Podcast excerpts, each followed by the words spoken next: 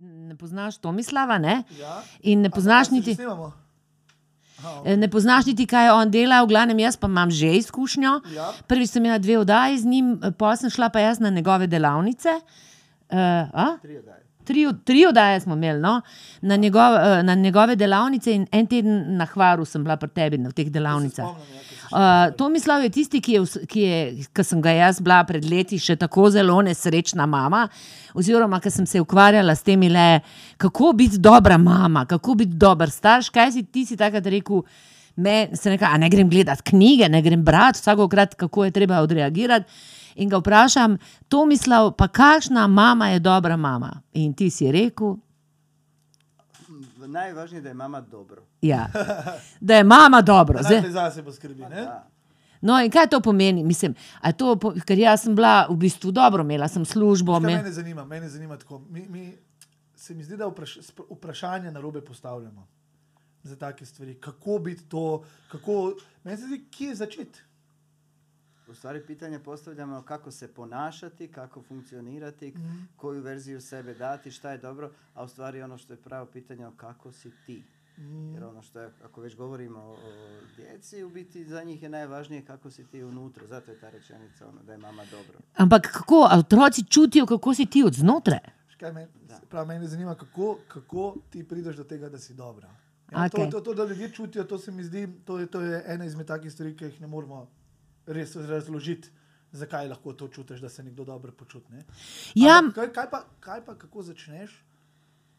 Ker jaz, veš, iz moje strani, jaz vem, jaz delam na sebi in vem, da z vsakim, tako kot smo se prej pogovarjali, z vsakim letom, z vsako izkušnjo vem malo več o tem, kako sebi začeti. Zdaj pa kako pa, recimo, bi rekel nekomu, da začne biti dobro. Prvo, prvo bi trebali definirati u stvari zašto smo loše. Okay. Pa to će nas voditi do toga kako postati dobro. Dakle, mi imamo sve potencijale genetski da se složimo u osobu koja funkcionira dobro, koja se dobro regulira, koja ima zrelost. Dakle, predviđeni su procesi sazrijevanja i to oni se događaju u stvari u prvoj godini najvišeg života, drugoj, trećoj, pa onda postoje faze četvrta, peta, šesta, kasnije adolescencija, ali onaj temelj se napravi u stvari prva, druga godina. Čak i prenatalna psihologija je u stvari nam govori koliko je taj period u, u maternici važan. Naravno da postoji i epigenetika, šta nosiš iz svoje loze, e, transgeneracijska trauma. Dakle, sve su to neki preduvjeti ili faktori koji utiču da li ćemo mi kroz život biti dobro u sebi, da li ćemo se osjećati stabilno, da li će nam svijet biti dobro mjesto, da li će nam ljudi biti da vjerujemo, da vjerujemo u život, da vjerujemo ili nosimo puno straha, nepovjerenja, loše se reguliramo, imamo emocionalne ispade, nešto silno trebamo od svijeta, od ljudi, od partnera, zaljubljujemo se i onda očekujemo da dobijemo nešto, a u stvari tražimo ono, ajmo da uzmem analogiju, tražimo one vitamine koje smo trebali dobiti pod navodnicima, vitamine u ranom periodu kroz odnose sa mamom najviše, a onda tatom i ostalim sk- skrbnicima, koji su bili preduvjet da se mi poslužimo u to da budemo dobro u životu, da dobro funkcioniramo. I ono sve što nismo dobili, u stvari mi imamo avitaminozu. I mi cijeli život u stvari to tražimo da se dovršimo da bi, se, da bi u stvari postali dobro. I to što to u stvari možemo dobiti kroz odnose najviše, najčešće partnerske, dakle tamo gdje smo emocionalno angažirani ili kroz, kroz psihoterapiju. Evo ti kažeš da imaš iskustva, već godinama psihoterapije, osjećaš rezultate na sebi. Ali to, to baš pričam, uh, malo bom menil slovenščino, hrvaščino. kako češ, ja. ja. Uh, v glavnem, uh, zanimivo mi je, veš, na začetku su premiki taki Da, i osjećaš se kao da nije ništa. da. I sad, ja znam koliko teško mi je bilo, jer godinama, godinama je bilo uvek samo ovoliko, malo po malo. Pa onda sam sve srušio, pa onda opet ovoliko malo. Ali tek u posljednje vrijeme, u zadnjih leto, dveh, se, še posebej e, zadnje leto, so pa to, E, upravo to je. ne, ne, vidi kako se ježim. preskoki Veliki, nevjerovatni. Da. da, u tome je stvar. Ne bi ti sad skokovi bili u ovom, ovim godinama tako veliki da nisi imao ove godine ispod toga. Ne možeš preskočiti. Često ljudi kažu, a idem već puno, ne znam, godinu, dvije, tri dana, ne, dega- ne dešava se ništa puno. Mislim, uvijek se dešava, samo što mi toga nismo toliko svjesni, više vidjove i sa strane. A onda se desi jedna, dvije terapije ili, ili u jednom periodu odjednom naglo sazrijemo, posložimo se, postanemo bolje, ali to ne možeš kažem, doći na te zadnje tri terapije, moraš proći sav ovaj dio ispred. Ja. Jaz bi predvsem rada rekla, veš, Majt, ko smo se prej pogovarjali, veš, da je mama dobro. Jaz vidim nekaj, ljudje ne verjamemo, da lahko otrok nas, eh, da, lahko otro, da je to, kako se mi počutimo, na otroka tako vpliva. Mi se obnašamo, nič ni narobe, se kregamo v drugi sobi, se lažemo pred otrokom, da je vse super in tako naprej. Mi tega ne verjamemo, mi enostavno nismo vzgojeni.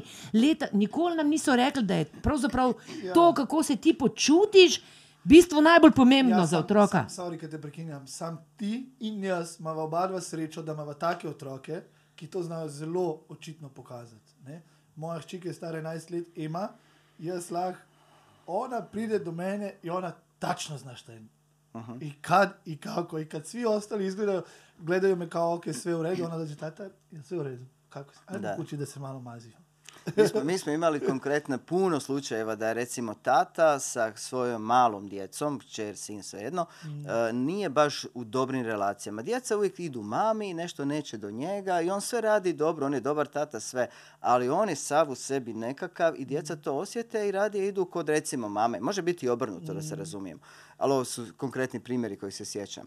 I onda tata bude na radionici, baš ono što si ti bila na Hvaru isto, i prođe nekoliko dana i čovjek se u stvari poslaguje, unutra mijenja, obrane u stvari nekako se otapaju i dođe, sjećam se kako je ono, baš sam bio svjedok toga, dolazi na plažu i djeca ga pogledaju, dolazi baš s radionice i samo osjete i odjednom samo dođu k njemu i samo se uz njega skupa i on gleda, suze mu idu u smislu šta je ovo, Ono, kao nikad nisu htjeli meni, ali djeca su osjetili da se u njemu nešto ovaj dan promijenilo, da je on sada mekši, topliji, drugačiji. I to je to, djeca imaju radare i kuže naše stanje. E, baš kad o tome pričaš, daj mi reci kako, ali kako bi bilo, mislim, recimo da je otac u nekom krču, ne?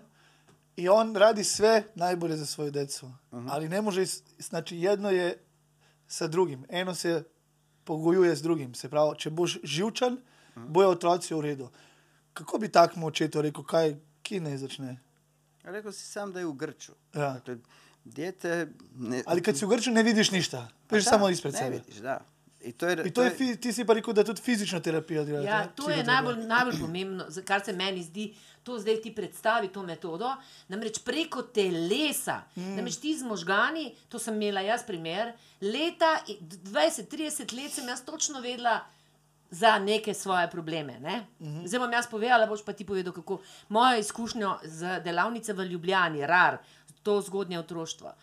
Meni je moja mama rekla, se veš, moja mama je bila sama, ostala, mo, oče jo je moj zapustil, ko je bila noseča in je šla roditi. Vse piše v knjigi, No. pogovori, ki so mi spremenili življenje. To pišem v knjigi. Ne?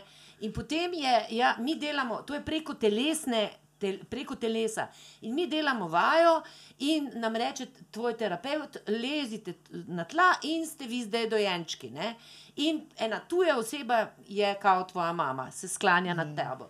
In jaz si mislim, kam zdaj jaz, a ne zdaj se igra, naj igram, da sem dojenček, kako naj bom dojenček. Ne?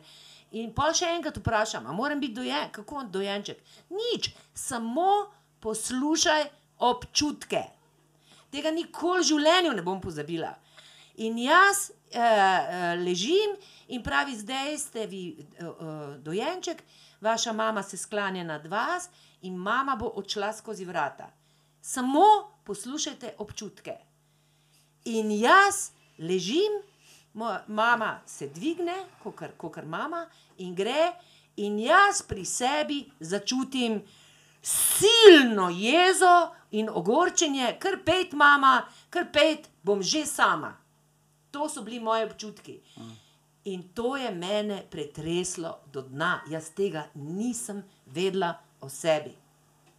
Jaz nisem vedela, kaj imam jaz tam od znotraj, se pravi, preko telesa sem jaz nekaj doživela, ne? neko senzacijo. In to je, tako sem se jaz dotaknila svoje male zvezdane, tistih prvih občutkov. Moja mama pač ni mogla mene paziti, bila je samo hranilka, ni bilo tako lepo, kot ona meni govori, ona je za me strašno lepo skrbela, ampak ona v sebi je bila prestrašena, ni mogla biti prisotna in to je resnica. To ne pomeni, da jaz mamo obsojam, ampak razumem sebe. Kaj imaš za obsojati? Naredila je največ, kar je lahko, Ja, ja, no. največ, kar je znala. Zdaj ne? pa ti, eh, eh, to mislav, to na- nadgradi, to se pravi, to je te dela, kaj vi delate in kakšne delavnice imaš ti, tako da lahko vsak izmed vas pride in spozna kakšno resnico v sebi, da si pomaga sebi in s tem tudi svojim otrokom, kar je najpomembnejše. Valjda bomo vse napisali v opis pod, pod našim posnetkom. U biti ušli smo u temu psihoterapije, evo ti imaš svoje iskustva sa svojom terapeutkinjom s kojom si jako zadovoljan i puno ti je učinilo. Dakle, sve psihoterapije su dobre, daju rezultate i pitanje je ono šta ja, šta mi više paše, koju, gdje ću naći osobu koja će mi se kao terapeut svi- svidjeti. Dakle, svi, svi po nekim analizama i istraživanjima svi psihoterapijski pravci daju u stvari dobre rezultate. Ono što je pitanje, eto, u kom nivou mi imamo problematiku i da li ćemo se baviti kroz psihoterapiju rješavanjem simptoma, što je isto dobro i nekad nam baš to treba, ili ćemo imati vremena i želimo se baviti malo dublje i baviti se rješavanjem korijena problema, zbog čega dolazi do manifestacije. Ono što mi radimo, rekla si tjelesna psihoterapija, ona je kao i sve druge psihoterapije ima jako puno e, zajedničkog, dakle nije to samo tjelesna, dakle mi kao integralna tjelesna psihoterapija, škola koja je evo šest godina u Ljubljani, mi radimo um, u biti two person therapy, dakle to je relational, to je odnosna terapija. Nisu sve psihoterapije odnosne, neke su one person, neke su one and half person. Two, two person therapy to znači da je vrlo dubok, real, uh, realističan, autentičan odnos između terapeuta i klijenta i terapeut svjesno da kažem, pristaje i svjesno ulazi u, u transfer sa klijentom. Znači, dozvoljava da se događa transfer i da se iscjeljenje u klijentu događa kroz njihov odnos. I to je dosta zahtjevno za terapeuta, što znači da on mora puno godina raditi na sebi kako bi što čišći mogao ulaziti u odnos sa klijentom, da njegova stvar problematika ne kontaminira taj odnos i da ne ulazi u kontratransfere. Zato kod nas traje šest godina edukacija, četiri godine su isključivo rad na sebi. E, Kar je super. Rad na sebi. Terapeut dela najprej na sebi. Da. Šest let traja, to pomeni, da res Mama mora biti dobro, ne? Da bi, da, bi Mama došao do, da, bi došao, da bi došao do toga da bi mogao dati klijentu verziju, ajmo reći, mame, jer ulazi u nekakav reparenting, Mhm. koja je u stvari dobro. Da se mama može nositi, slash terapeut, da se može nositi sa svim onim što dođe od klijenta i da ima kapacitete ostati u odnosu čak i kad je recimo klijent ušao u negativan transfer i kad te mrzi i kad te vrijeđa i kad ti svašta ružno govori i kad, kad je ljut na tebe i kad je i trebaš ostati i biti na njegovoj strani i provesti ga kroz to, na kraju to završi jako dobro, ono, kao prvi puta sam bio bijesan, prvi put sam ti rekao svašta, a nisi se branio, nisi se naljutio, nisi me odbacio, nisi To je me meni kaznio. Melita napravila. Ona Evo, rekla, je ona je znala kakav sam ja, ja sam tad žurao. I ona kaže, ti samo kad kažeš, dođi.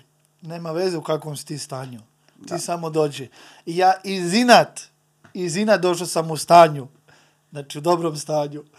I psihadeliki nešto tako. I, Možeš u slovenščini samo. Ok, uh, uh, sem prišel k njej v, v, v stanju in uh, kot si rekel, ni bila jezna, ni se krigala, še pohvalila me je. Rekla, prišel si, nikoli v življenju več nisem prišel zadet. Da. Nikoli, nikoli nisem zamudil. Uh, edin prejšnji teden, ko sem zbolel. V osmih letih, kar delava skupaj. Zato, ker mi je ta prvič tako pokazala, kot si rekel. Evo, to je, to je ta odnosna terapija.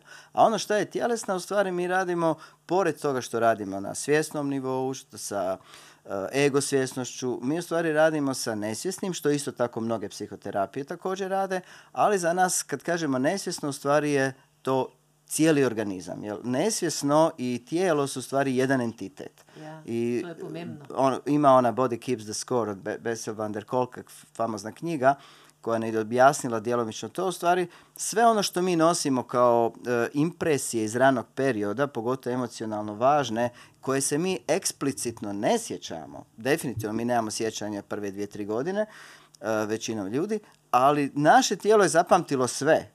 I, i, i čim porođaja, ako možemo ga i njega u njega ući, i, i ovo što si rekla kad je dojenče, kad je mala beba, dakle sve naše tijelo pamti i mi u stvari e, kroz tijelo dolazimo do toga e, kako, šta je taj organizam, odnosno osoba, doživjela kroz život, ono nam priča s, povijest te osobe i kroz rad na tijelu mi u stvari možemo prepravljati naše nesvjesno kako bi naše današnje funkcioniranje koje je pod utjecajem nesvjesnog bilo drugačije. I drugi dio kad kažemo tjelesno, to podrazumijeva rad na e, autonomnom živčanom e, sistemu, na nervnom sistemu, jer to što se mi osjećamo napeto, što se osjećamo da smo ubrzani, što se ne možemo pustiti, što smo živčani, što smo stvari, to je stanje autonomnog živčanog sistema.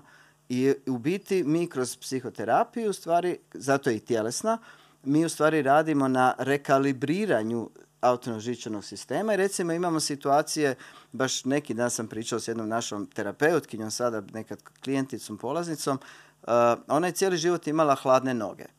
E, I nama hladne noge jako puno govore o tome, dakle ruke, stopala, govore o tome kako je taj organizam, reći ću opet, prošao u ranom periodu, ukazuju u stvari na postojanje rane traume, da došlo je do određenog rekalibriranja, odnosno kvarenja funkcioniranja autonomnog živčanog sistema i čovjek će, često živi cijeli život sa hladnim nogama, što nije samo stvar nogu, nego to je i određeni senzibilitet, vezano je najčešće s određenim gastrointestinalnim problematikama ili tendencijama, vrlo često ima, ve- ima veze i sa minus dioptrijom, Ima ti, ti si nekad pričao, sećam se na Hvaru, si nam pričao o onom vagusnom živcu ili ne znam Da. šta. Ja, To je znaš priča- šta, to bi ga moral slišat.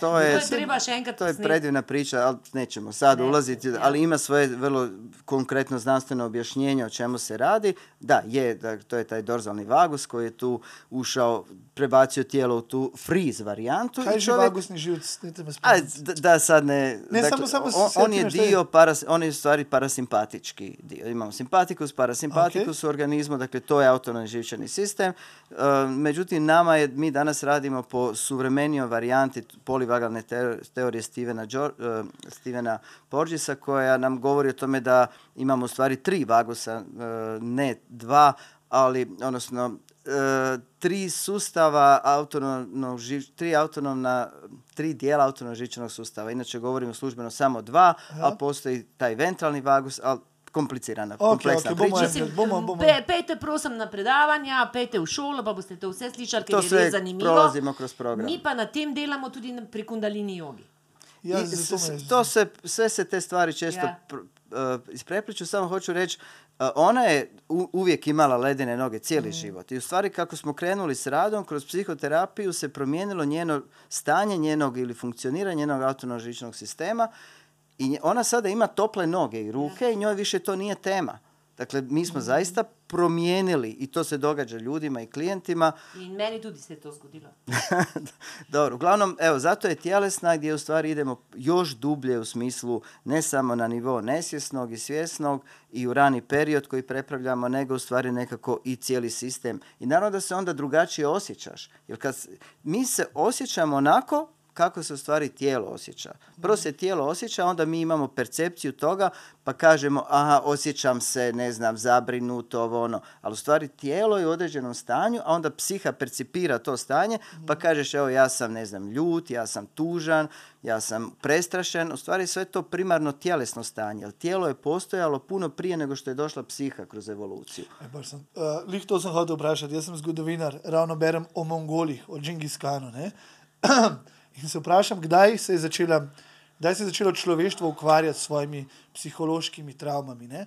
Ker tam oni so tudi bili, oni so živeli na mongolskih planjavah, življenje je bilo težko, otroke so jih poimenovali še po, šele po enem letu, če je otrok preživel, so mu šele dali. In, in se pravi, jaz so velike travme, težke travme, Da. lakota, a, posiljevanje, a, umazanija. Znači, to je bilo tega. Kako, pa, kako si recimo predstavljaš, da je bilo pa takrat? Kako su ljudi takrat to pripravili? samo pogledajmo kakva nam je povijest, koliko je tu surovosti, grubosti.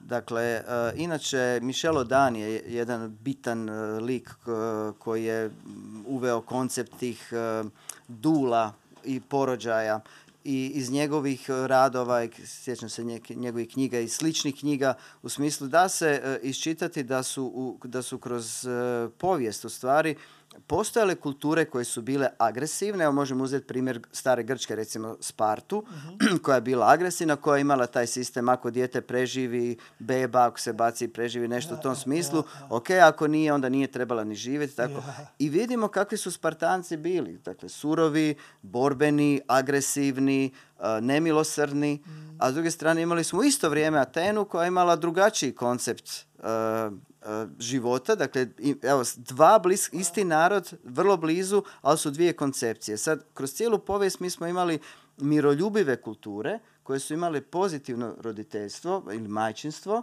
uh, i agresivne kulture. Nažalost, ono što je realnost bila, da su ove agresivne pregazile i uništile. Na kraju krajeva pogledajte samo osvajanje Amerike, kad je bijelačka kao agresivna rasa došla i jednu vrlo uh, pitomu, da kažem, rasu indijanaca koja je tamo bila, koja je imala puno zdraviji odnos prema svijetu, prirodi, prema svemu, ju je satrla, uništila. Dakle, to se dešavalo kroz cijeli, cijelu povijest. A na nivou pojedinca, mi smo imali u stvari kroz povijest pojedince koji, čiji su obrambeni mehanizmi bili na, na najjaču aktivirani. Dakle, odvojeni od emocija. Što si agresivniji, bolje ćeš preživjeti. Što manje osjećaš, to će ti biti lakše u životu. E, dakle, š- e, pojedinac je u stvari loše prošao. Njegov život je bio e, grub, surov i on se osjećao loše u sebi. Ali zbog toga bio ubitačan e, i mogao je preživjeti. E sad, prvi puta u povijesti, osim renesanse, mi na većem dijelu svijeta, ajmo reći konkretno zapadna civilizacija, imamo jedan ipak duži period ili duže periode mira, tu i tamo, svakih 40-50 godina svjetski rat, ovo ono, ali u principu mi ipak živimo sada u povijesti u mirnijem periodu i sad konačno možemo postati ono što u stvari jesmo, ispod tih obrambenih mehanizama, možemo po- doći bliz, bliže ono svojoj ljudskosti, koje je uvijek bilo u povijesti, samo nije bila dominantna. Ali da ti kažem, ali je, ne, najveći imperij pored engleskog i mongolskog su bili rimljani, a kod njih se porodio stoicizam. Kod njih nije bilo, kako si rekao, da si bio agresivan i to. Kod njih je bila kao ta fasada. Kako pa to vidiš? Ker jaz, ne, tako da rečem, ker sem razmišljal med tem, ko si govoril, sem razmišljal o tem, da ipak te civilizacije, se pravi, te, ki so bili res agresivni, so pojedali tiste, ki so bili Da. pasivni, recimo, da temu rečemo. Ampak je bil velikrat večji mir na svetu. A veš, kaj mislim? Se pravi, ko je Džingis Khan bil, Bio je ni, mir- ni, bilo, ni bilo kriminala. Bio je bilo mir kriminala. zato što je... Vsi so se bali, noben ni šel na robe. In, in isto, prav se še to govorim, in isto v Grčiji, uh, Atene, oni so bili težki borci, uh, mm, ampak oni so imeli pa zraven filozofijo. Uh, ne Hipokrat, ne Sokrat. Eden izmed teh velikih filozofov je svoje ime dobil, ker je bil zelo dober v ureslanju, v rvanju. To je bilo njegovo ime. Ne, kje je bil to? Vseeno, ampak kaj, po, po, point, kaj hočeš povedati? Hočem vprašati, kako, je, je- kako, je pove, kako so. Kako misliš ti, da, so, pove- da je povezana se pravi, ta fizična bolečina, Agresija, agresija skozi zgodovino bila? Dakle, maska. Ja, Imate istraživanja uh, uh, Prescotta, John Prescott, uh, jedan od znanstvenika koji je sa doktorom Herlowom radio na oni poz- poznati do, uh, Herlow Monkeys, ako nekog zanima, uh, iz Google, izgooglajte impresivno i mi to isto radimo na Raro, ako se sjećaš onih majmunčića. Ja. Taj doktor Prescott je poslije uh, pokazao i dokazao da u stvari što je više u ranom periodu bilo pleasure, Dakle, što je dijete, će organizam djeteta bio izložen većem e, stupnju ugode, što znači siguran attachment, što je John, John Bowlby uveo teoriju attachmenta. Danas Alan Shore govori o regulaciji afekta kao upgrade teorije attachmenta. Dakle, što je bilo više dobrosti u životu, to u stvari osoba je kasnije u životu miroljubivija, toplija, nježnija, Što ne znači da je glupa i, i, i naivna, nego jednostavno ima tu topliju ljudsku ži- dimenziju. Ako je bio nedostatak pleasure u životu, onda se u stvari e, ta, to dijete transformira, odnosno razvija u osobu koja je više agresivna, koja je, koja, kojoj fali ta toplina i to je ono što s- E, pa potvrđuje super si ovu... evo, da. da. Hvala, hvala. Ampak mene Top. dan zanima, zdaj pa če smo že pri tem, današnja civilizacija, se pravi današnji čas, kaj pa pol to pomeni, ki si rekel, da, na, da se lahko več ukvarjamo sami s sabo. Ampak poglej, starši so danes izgubili čist avtoriteto, danes se obrača tako, da mladi in otroci maltretirajo starše, vse čas se sprašujemo, kaj nobene samozavesti ni več. V smislu, oziroma se Fantje po- sprašujemo, Fantje postajajo vse bolj punce, Ja, punce hkrati vse bolj in moški. dviguje se filozofija, spet ta agresije, discipline, eh, torture, spet kao, da bo to rešilo svet. To, ali kaj, kaj, Da, To kaj se se dogaja? tudi vprašati, ja, Da. kako je To disciplina. onda se iz jedne krajnosti pokušava ići u drugu, a ne sagledava se uh, ono što je u stvari ideja prirode bila. U biti, mi svi težimo nekakvom dobrom stanju u sebi. Dakle, ti ratnici koje spominjemo, oni se generalno u sebi ipak nisu osjećali mirno, spokojno. Baš sam, evo, prekjučer sam imao priliku razgovarati s jednim koji je bio ratnik i sve. On i dan danas ne može spavat poslije koliko već 30 godina. e, ima velike zdravstvene probleme, psihičke probleme. Dakle, na izgled ovako kad ga vidiš, rekao bi super čovjek, snažan, ovo ono, ali kad počne pričati, njemu, u njemu nije dobro. Dakle, i tim ratnicima nije bilo dobro. Ako, je, ako ovdje sad maknemo uh, šta je interes društva, politike, nacija, politika manje više, ako gledamo šta je interes pojedinca, krajnji interes je da mi je život lijep i da se ja osjećam dobro. A to znači u principu i da imam dobre odnose i kone- konekciju sa svijetom i sa ljudima.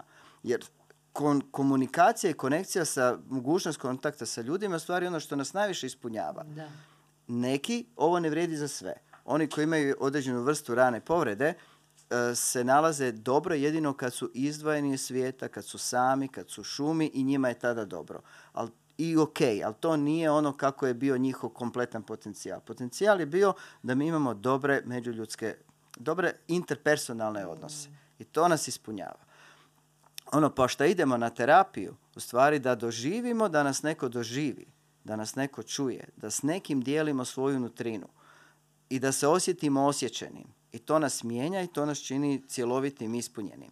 No što više imamo obrana koje nastaju jer smo bivali povrijeđivani, pogotovo u ranom periodu, te obrane, ti obrambeni mehanizmi nas u stvari odvajaju od nas samih. Na neki način me štite od svijeta, štite me od unutarnje boli, ali ja nisam u kontaktu ni sa sobom, niti znam biti u kontaktu s drugima. I živim alijenirano i od sebe i od svijeta. Ono što je pitanje šta je tu sebe, pa to bi mogli, ali nećemo stići Da, sada to to. sam baš htjela Da, da, da, postoji, evo, kratko ću reći, Jungov koncept eh, selfa, dakle, i, i Winnicottov, dakle, nešto što je, što moja, moje, ko sam ja stvarno u sebi unutra. Da li ja sebe na van živim onako kako se uistinu osjećam u sebi unutra. I onda sam autentičan, onda se osjećam realizirano, ispunjeno, a ve- velika većina ljudi u stvari nema tu privilegiju pravi kompromis sa onim što sam ja u sebi i šta ja mogu vani pokazati, a da sam siguran da ću biti welcome. Uh, negdje, ajde, želiš reći? Ne, ne, ne, ne, ne, super si povedal. To, to se, s tem se tudi jaz ubadam zadnje čase. Da. Zelo veliko je to vprašanje, kaj, kaj sem jaz noter, pa kaj sem jaz na zunaj. In, in se mi zdi, da to si super povedal, to je v bistvu zame cilj psihoterapije. Kaj hočem biti? Jaz hočem biti na zunaj to, kar sem na not. Evo, ba, baš Da, da, da, da vsi ljudje, pa pa te, vidiš, se, Dajte se malo, dajte malo delati na sebi, preberite kakšno knjigo, pojdite na kakšno psihoterapijo, lahko vam povem iz, prve roke. Ja. Ne, ja, veš kaj, zanimivo, zanimivo postane, ko začneš kopati po sebi, ko začneš res dojemati, vedno več, ko dojemaš, vedno bolj je zanimivo. Jaz, jaz nisem v šolo hodil, jaz sem sovražil šolo. Ko sem se začel učiti te stvari, ki jih zdaj delam, vsak dan, ko nekaj bolj znam, me bolj zanimajo druge stvari. Matematika, fizika, uh, uno, dobave, O, hvala uh, uh, davki, porezi. Joj. Dobro, koliko vidim, ti si jako znati željan, a opet za nas po konceptu Jana Pankse, pa se govori o jakom takozvanom seeking sistemu. Seeking sistem je jedan od sedam sistema temeljni na kojima mi uh, bazični za funkcioniranje sa svijetom. Dakle, ono, bazični softver i ako nam je jak seeking sustav, onda nosimo znatiželju, ali, ali nemamo svi jednako to inače potencijal za to. Ali kad je jak seeking sustav, kad je jaka znatiželja, onda smo u snažnoj interakciji sa svijetom, onda smo moćni, onda, onda nam je život juicy. Ja. Da. A nisam, nije bilo uvek tako. Vem, Da. da, ne. Mnogo, to lahko mnogo-. Ampak jaz sem komi čakala, da to, ker to sem jaz tudi doživela in komi sem čakala, da pride do Moja tega. mama jedina stvar, jedno jedina stvar, pričala mi je, htjela mi je dobro, ja to znam.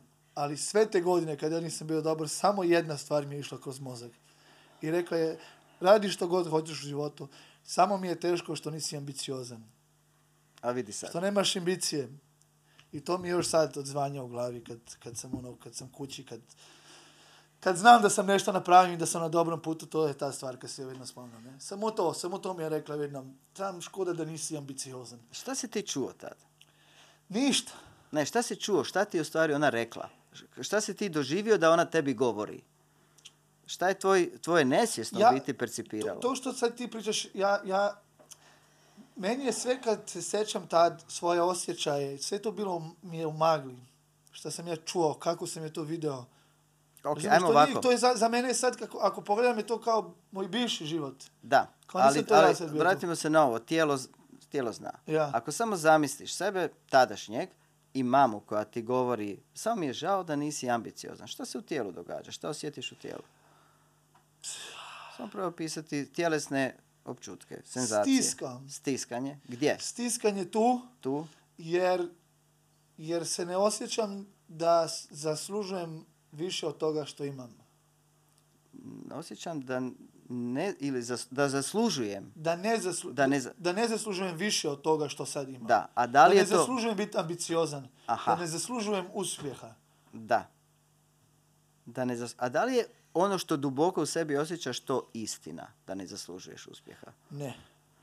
Ja bi samo volio da to kažem glasno i da mi neko kaže nije istina. E, znači negdje izvana treba doći poruka Mm. koja će zarezonirati s onim što osjećaš u sebi, stvarno, i onda da bi mi afirmirali ono što u nama je stvarno, neko izvana nam to mora napraviti takozvani mirroring. Mora Mm. nam dati iščitati ono iskustvo koje, ono stanje, onaj doživljaj koji mi imam- imamo u sebi, neko nam mora izvana to potvrditi. I tek Mm. onda to možemo realizirati u sebi. To je, to je zadatak, to je trebao biti zadatak roditelja, a u biti može biti i prijatelj kasnije u životu i partner, ali to je zadatak terapeuta da osjeti ono što ti negdje osjećaš u sebi i da ti potvrdi to, da ti, ja to kaže, amenuje na neki način. I onda ja dobivam pravo se na van osjećati onako kako se osjećam iznutra. Dakle, tebi je samo trebalo druga poruka, nešto tipa, vjerujem u tebe, imaš prava biti, bit ćeš ono. I onda bi tvoj sistem drugačiji. Ali ovako kad dobijemo nešto što je u stvari korespondira s onim negativnim dijelom u nama, da, dolazi do stiskanja, u biti bol. E, če smo zdaj pa pri tem, če smo pa zdaj že pri naju. Na, Kam? na levo očesko imaš malo maskare. a. Aha.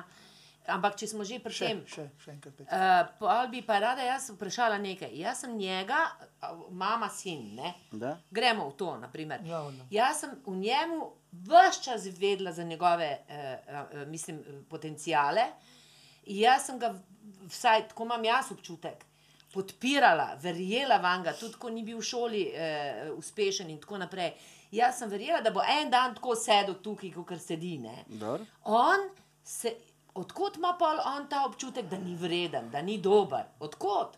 E, to je sad, evo da se vratimo na malo prijašnju temu, pa ćemo spojiti odlično. E, naime, većina nas nosi upravo zbog neadekvatnog ranog perioda, neadekvatnog koncepta porođaja, koji još uvijek u našim bolnicama, mada se zadnjih godina pod UNICEF-om puno toga pritiskom UNICEF-a promijenilo, pa je sad bolnica prijatelj djece, a sam trenutak do dolaska na svijet je u stvari e, nešto što udari onu temeljnu impresiju mog doživljaja da li sam ja ok.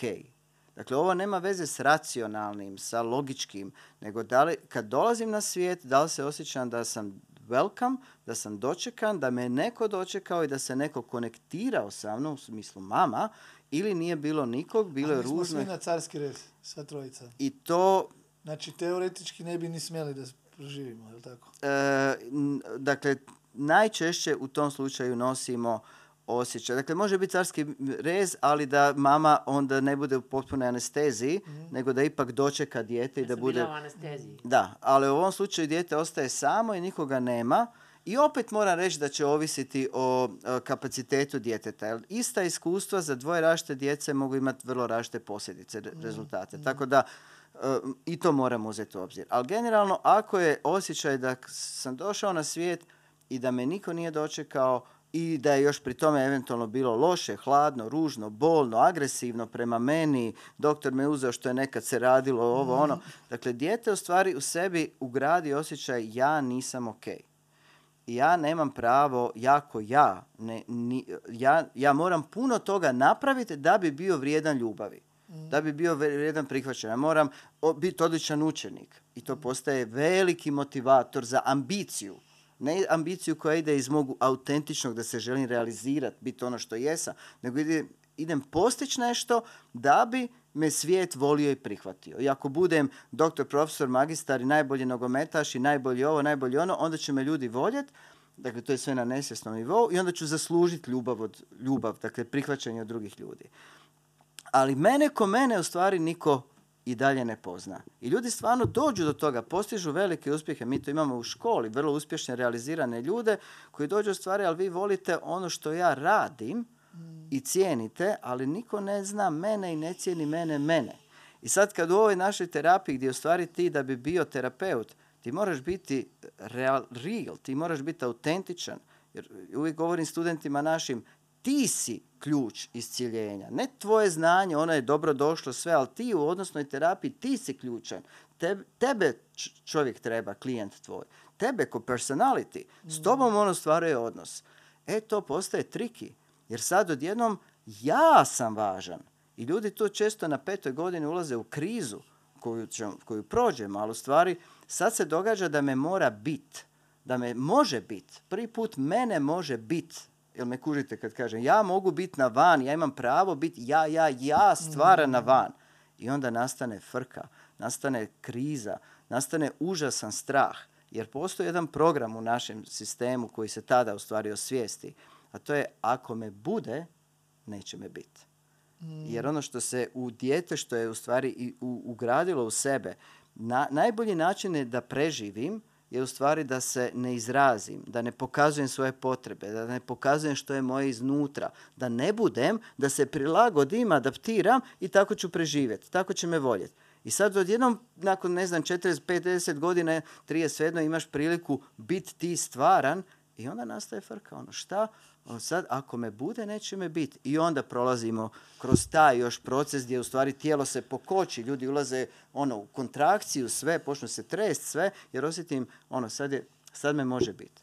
Ali kad to prođem, kad to preživim, onda, evo, evo me, tu sam, pa that's me, šta god da bude. Evo, sad bi se ja, jaz bi samo vzel trenutek, da bi se zahvalil univerzumu, ker sem se spraševal ta vprašanja zdaj le zadnji tri tedni, točno to, kar zdaj govoriš. Točno do tega sem prišel zdaj stanja. Kaj sem lahko jaz, kaj ne. Mislim, da naslednji koraki moji poslovni in tako od mene zahtevajo, da sem jaz jaz na zunaj in na not. In ja, in se bom, Ampak če, bo, jaz- če, če me boš sprejel, bi z, z veseljem, da je prišel na kakšno terapijo. ali pa sem na. videla, da te bo. Ja. Jel ti mogu ne- Ja. Reći, neki reći. feedback ovoga, ko- obzirom da si otvoren ovoga, Ja. kako te ja osjetim? Um, No, daj povej. da. Jel ti okej? ja, valjda. Mislim, ovo inače ne radim. I često me ljudi pitaju, daj ti meni reci, kažem ne. A pogotovo pred publikom. Ali imam osjećaj, za, sad mi je neki osjećaj da... Ako je kritika, onda ću raditi na nije, tome. nije, nije, Ako je dobro, nije ću kritika. hvala. Ne, nije, nije, nije kritika, nego konstruktivno. Mislim, se tukaj ni strokovno srečanje, mi moramo, mi moramo razumeti, zakaj gre, da, se, Da. da bomo en dan lahko živeli to, kar si zdaj rekel. No, zato Da. Ne? Ono što, ono, evo, tu se malo sat vremena poznajemo, da kažem, ali Mhm. ja dobijem osjećaj, ono, kad klijenta vidiš, e, inače kad čovjeka vidiš, mada se ne zamaram u životu s tim, bilo bi to naporno, ali kad, si- kad ti klijent dođe sjedne, nekako dobiješ feeling u tijelu, k njegovom stanju i negdje to, to- taj osjećaj u tijelu, to je Carl Rogers, jedan veliki psihoterapeut, govorio, moje tjelesne i organizmičke informacije koje mi dolaze iz tijela mi daleko više govore ili vrijede nego svo moje znanje intelektualno i tako. I to je to negdje. Dakle, ono, imaš jaku energiju, osjeti se, moćan si, um, ljudi te doživljavaju, impresioniraš, da tako kažem, uh, i sve to s pokrićem. Uh, postoji dimenzija, evo, koju bih ukazao, osjetim puno ljutnje, bijesa unutra, puno energije koja u biti nije, nije own, nije, nije još uvijek nešto što mi kažemo to own, uh, da posjeduješ, da je negdje vratiš u svoj sistem. Dakle, nešto što energetski izliječe van, onako da je dosta sharp, dosta onako oštro, da tako kažem, to impresionira, ali e, i tebe na neki način izbacuje iz nekakvog balansa. Ono što je neka tvoja perspektiva, to je, to je ono što mi zovemo prorada ili tuge ili ljutnje ili straha ili nešto. U stvari u ovom slučaju govorim o proradi ljutnje koja mi prvo nekako strši, je u stvari kad, kad nju, mi, mi ništa, sve što proradimo, mi ništa nismo ostali bez toga. Nego jednostavno počnemo taj o, počnemo posjedovati. Odnosno vratimo u svoj sistem i ta sva energija koja sad nekako nekontrolirano izlazi na van, vrlo oštro prema drugima, u stvari ostaje ti unutra, ali te popunjava cijeloga iznutra i onda gard, u stvari attitude prema svijetu i kako te svijet doživljava se počne mijenjati i ljudi osjete tu moć, ali više ne ide ništa šarp, nego ide onako nekako ono, osjete tu neku moćnost i nema potrebe niti za dizanjem glasa, niti za bilo čim, jednostavno samom pojavom već pošalješ energiju i ljudi to respektiraju, osjete i ne, ne trebaš puno ni pričati sve. Dakle, to je negdje tvoj potencijal koji osjećam, koji bi se desio skroz, ajmo reći, proradu ljutnje koja za sada još I znaš šta je ta ljutnja? Baš to što si sad pričao. To da nisam nikad u životu nikome pokazao ko sam pravi ja. Ok, I niko ne zna, ni mama ne zna ko sam ja. nikome još nije upoznao. I, i, I kad god sam u životu pokušao pokazat, dobio sam batine. Aha, I sad je to, e, to je ta ljutnja. I sad isto tražim kako to, pa kako smo rekli, treba vjerovatno polako, mic po mic za mene. Mislim, ja osjećam se svaki dan bolje, ali znam, znam što misliš. I jer one dvije godine kad je bila korona sa, sa mamom smo, smo radili mnogo na sebi duhovno, pa reiki, pa ono, pa ovo. I u tom momentu sam bio miran. Sasvim miran, kako si rekao, nisam ni pričao mnogo, nisam ni ali kad sam se vratio u real, real life i sa ljudima, onda opet me pogodilo. Da. Mm. I to ja sam sad opet mitigirao sa, nekom, sa nekim pušenjem trave i heavy sport. Mhm. Treba da boli sve još tri dana. da, da, da. I, ali, i to sam htio malo popričati sa tobom, jer ja sam, ja sebe osjećam ipak kao muško, ja volim historiju, ja volim prirodu, ja znam da sam životinja u sebi, ja znam da sam spreman mnogo. I kako ti, recimo, kako mi vidiš koliko je važna disciplina kad radiš na sebi? Zanimljivo o, mi je da to pitanje postavljaš, jer već time što postavljaš to pitanje, mi u stvari puno govori o tebi. Što? ja, ma super! Ja. da, već, već samo to postavljanje u stvari ukazuje, dakle, bliska ti je disciplina, bliska ti je ideja. Evo mogu reći da mi možda u ovih koliko godina radim terapiju, nikad nikome to nije pitao. Dakle, već je to indikativno. Ovoga, dakle, već negdje pretpostavljaš, ono, assumption je da već postoji... a, a, mi Pa u st- iskustvo isto. Dakle, naš rad je u stvari jako uh, u smislu uh, poštovanja kapaciteta klijenta. Dakle, onoliko koliko čovjek može. Uh, disciplina vrlo često znači uh, tjeranje sebe na nešto što u stvari mi se ne radi, ali disciplina me tjera da ono, od toga kako učimo ili boksamo ili vježbamo nešto, moramo imati disciplinu. U ovom radu mi ipak, e, e, da kažem, u disciplinu ubrajamo to da negdje osluškuješ sebe, svoj ritam i svoje potencijale. Zato naša škola ima jedan koncept koji je, nije tipičan za e, inače. Dakle, prvo krećeš sa programom Rani razvoj utjecaj na život, ovaj rad što si ti prošla. To ti onda se, res.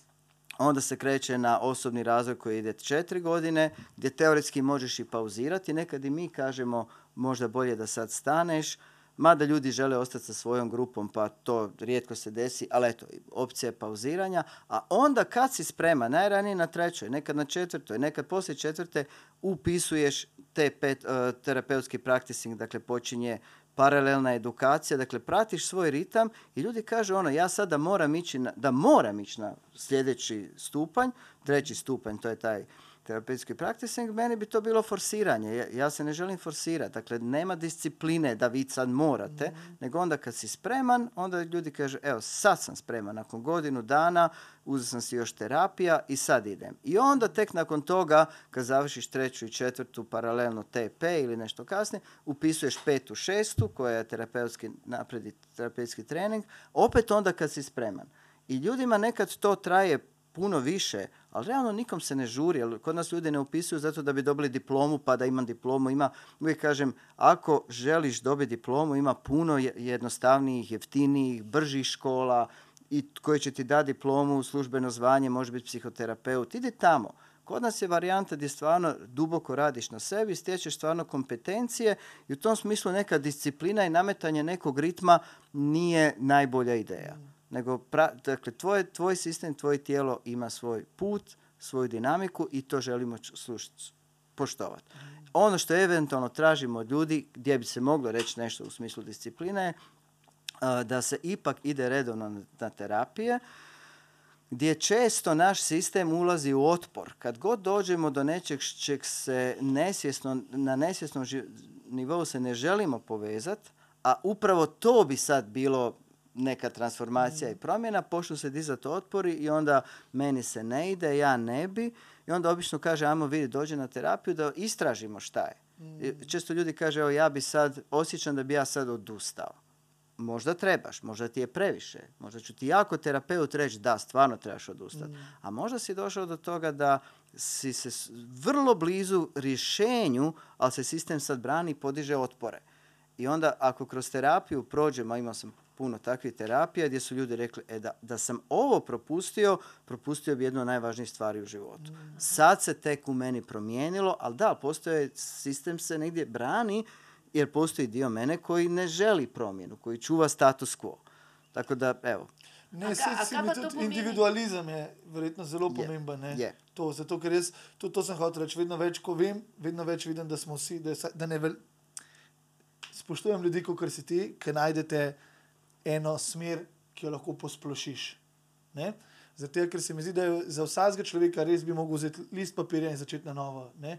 zgodbo. In zato je eh, pač to, kar si mi razložil. Jaz recimo rabim disciplino, jaz moram iti trikrat na teden na trening, zato se dobro počutim, da vržem energijo in da po treningu se doma usedem, prekrižam noge in razmislim lahko o dnevu. Mhm. Za, na ta način sem jaz mogoče bolj mislil disciplina. Ne? Ampak hvala. Zakaj on rabi to disciplino? To se pravi, on je povezan s telesom. Ne? Mislim, uh Mhm. -huh. uh, posluša telo, telo rabi, da se on izgori kaj. A, To, on, to, sorry, samo da pregledam. Moje telo ne more zgoreti. ni šans. Ni šanse na svetu. Jaz sem, jaz sem že zdavnaj ugotovil, zato ker sem tudi, ko sem žural, sem bil najbolj divji. Nisem šel spat po 4-5 dni. Se Pravi, ni, ko pride do fizike, mm. ni stvari, ki ne morem narediti. In mogoče mi daje to prej moč, zato da pa lahko začnem tudi razmišljati. Ne. Samo tako da povem, pač ne morem izgoreti fizično. Cool. Da, uh, dakle imaš, što sam rekao, moćan si, imaš jako energiju, imaš jako tijelo, uh, moćno tijelo, dakle u, i u super godinama si, gdje se to i snažno osjeti. Uh, ali jedna stvar mi upada u oči koja je opet jako ono, univerzalna, kada postoji nekakva unutarnja uh, problematika gdje se diže tipa, evo što, što si rekao, određena ljutnja, bijes, u biti uh, tijelo počne uh, osjećati se loše i kažemo osjećam se loše, a onda odem trčat ili odem u teretanu ili zboksam se ili bicikl i onda se osjećam bolje. Dio tu je da sam se fizički pokrenuo, generalno krv je cirkulirala, pročistio se organizam pa se osjećamo bolje. Ali taj dio koji nas u stvari najviše gura je, ehm, u stvari mi radimo regulaciju kroz to. Mi popravljamo svoje psihoemocionalno stanje aktivirajući tijelo, uh, međutim to ne rješava problem. To je na nivou simptomatike. Dakle, mi to radimo i to je apsolutno za podržati u svim smislovima, samo neće riješiti problem. Ljudi mogu cijeli život boksati, ići na, tera- na na teretanu i sve, bit će im svaki dan bolje zbog toga. iz- Ali šta jednog dana ako ne mognu, onda postaje sve puno lošije. Ne znam, ljudi se povrijede pa ne mogu više biti triatlonci i slično. Uh, ali ključno je da u stvari nisam riješio ono što me goni na to, što ne znači da nećeš kad riješiš i dalje ići u teretanu i trčat, ali će biti drugačija motivacija. Neće biti ovoga dijela koji u stvari negdje je stvara jedan, jedan, jednu napetost u organizmu koju onda izbacimo kroz neku fizičku aktivnost. Dakle, Mislim, jaz se počutim tudi najbolj in kontrol, ko grem. uh Recimo, Da kontroliraš sebe. najbolj se lahko kontroliram, ko sem recimo na kickboksu. ne. Mhm. Dakle, spominješ disciplina, spominješ kontrola. Mene odmah zanima u stvari šta bi bilo da nema kontrole i da pustiš. A Da ti pokažem neki snimak. Kaj to pomeni? Da A, s- veš, kako je? A, jaz sem tudi zelo um, emocionalen, bi rekel zase, pa empatičen. In če ne bi bilo kontrole in discipline in bi me ti dal tle, a, bi jaz zginil. Zlomil bi se. Šta bi, šta bi se? Slomil bi se, Raspao bi se. raspal bi Mi se. to kažemo raspao bi se. Ja. Da. Raspal bi se. I obično kažemo u terapiji ono, dok se ne raspadneš, Mhm. dok ne pustiš, što nije lako, to niko ne može doći reći sad ću ja to napraviti. Mhm. To se mora desiti, često godina treba do toga da u stvari tvoj sistem, a to je opet autonomni živčani sistem, dok on ne popusti, dok tvoj sistem ne pusti kontrolu, dok se ne, ne desi jedan break je- koji ne mora biti, ne- neka se ljudima desi pod tragedijama životnim, ono, život me slomi. Bio sam ja, ali ž- okolnosti su učinile i onda nastane break. Uh, slom nekakav. I nakon tog se dižem, ali dižem se nekakav drugačiji. Ali ne treba čekati ili ne treba se desiti, ne treba se nikad desiti ovoga to, ali je jako dobro ako se desi kroz terapiju da se u stvari raspadneš. I to je u stvari strašno oslobađajuće.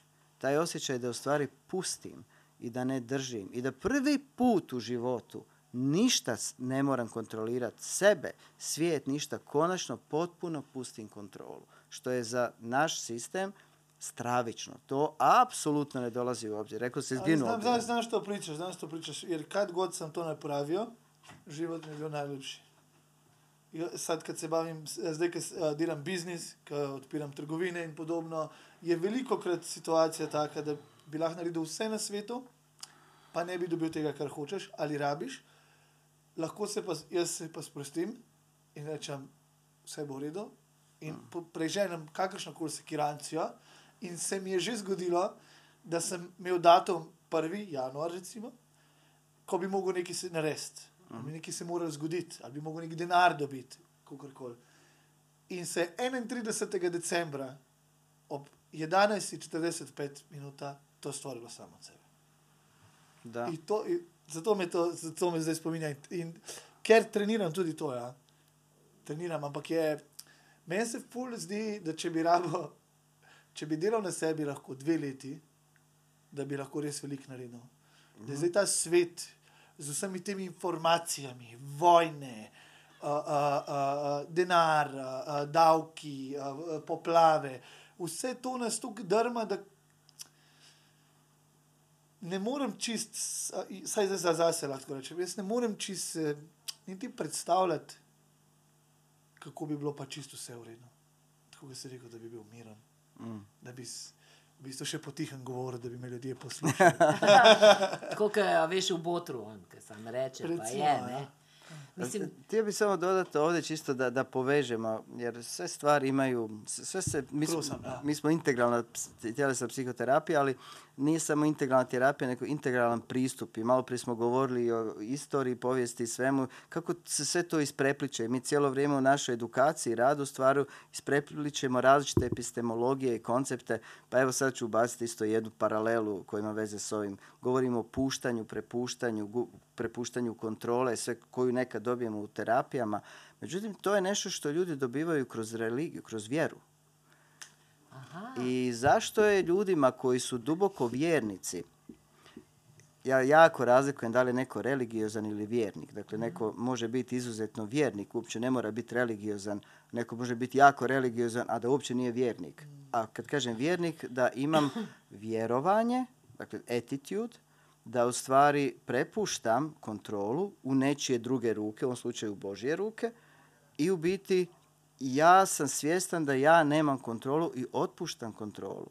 I to je stvari stanje vjerovanja, vjere u nešto, svejedno je da li je to Bog, ovaj ili onaj, ili može biti nešto treće, nije bitno u šta vjerujem, nego sam čin, sam proces vjerovanja u stvari čini da, da ja puštam kontrolu i mom, moj, moj organizam ulazi u drugačije stanje. I mi duboke vjernike, bez obzira iz koje konfesije dolaze, u stvari obično osjetimo kao ljude koji su peaceful, gledamo u filmovima, oni imaju nas neki mir ili poznajemo nekak, imaju neku stabilnost jer vjeruju u Boga. Ali kažem, u ovom slučaju ja neću, neću ići dalje od samog čovjeka, dakle ne, ne bavim se time šta se nakon toga događa, ali u čovjeku stanje vjerovanja je u stvari stanje prepuštanja kontrole. I onda sam drugačiji čovjek i život mi je drugačiji, moj organizam, moj autonomni živčani sistem ulazi u drugo stanje i zato je na neki način vjera dobra stvar, bez obzira o kojoj, o čemu ili u šta. Dakle, In to zdaj, ko sem te poslušala, pomeni, da je v bistvu kontrola, ki je dane, današnji čas poln kontrole. Se pravi, mi se že kot starši vse čas kontroliramo, da bi, da bi bili. Da bi, bili, da bi bili dobri starši, kontroliramo svoje otroke, eh, ne znamo postavljati mej. Ta kontrola je, mislim, to je čas, današnji, vse čas. Ker si, če nimaš kontrole, si lahko v hipu brez denarja, brez ugleda, brez Da. uh, smeri, brez hiše.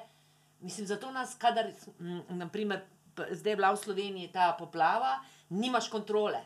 Se Da. pravi, popoln strah. v Kaj, Sam meni pa, veš, kaj mi je pa zanimivo? Zanimivo mi je pa to, ker smo na ladji, na barki in se pripravlja največje nevreme, jaz občutam največjo svobodo in niti mal strahu. no, ampak, Zakaj pa je to? Znači, kad je nevreme, kad je da, smak da, shvatim, sveta, shvatim, da, da.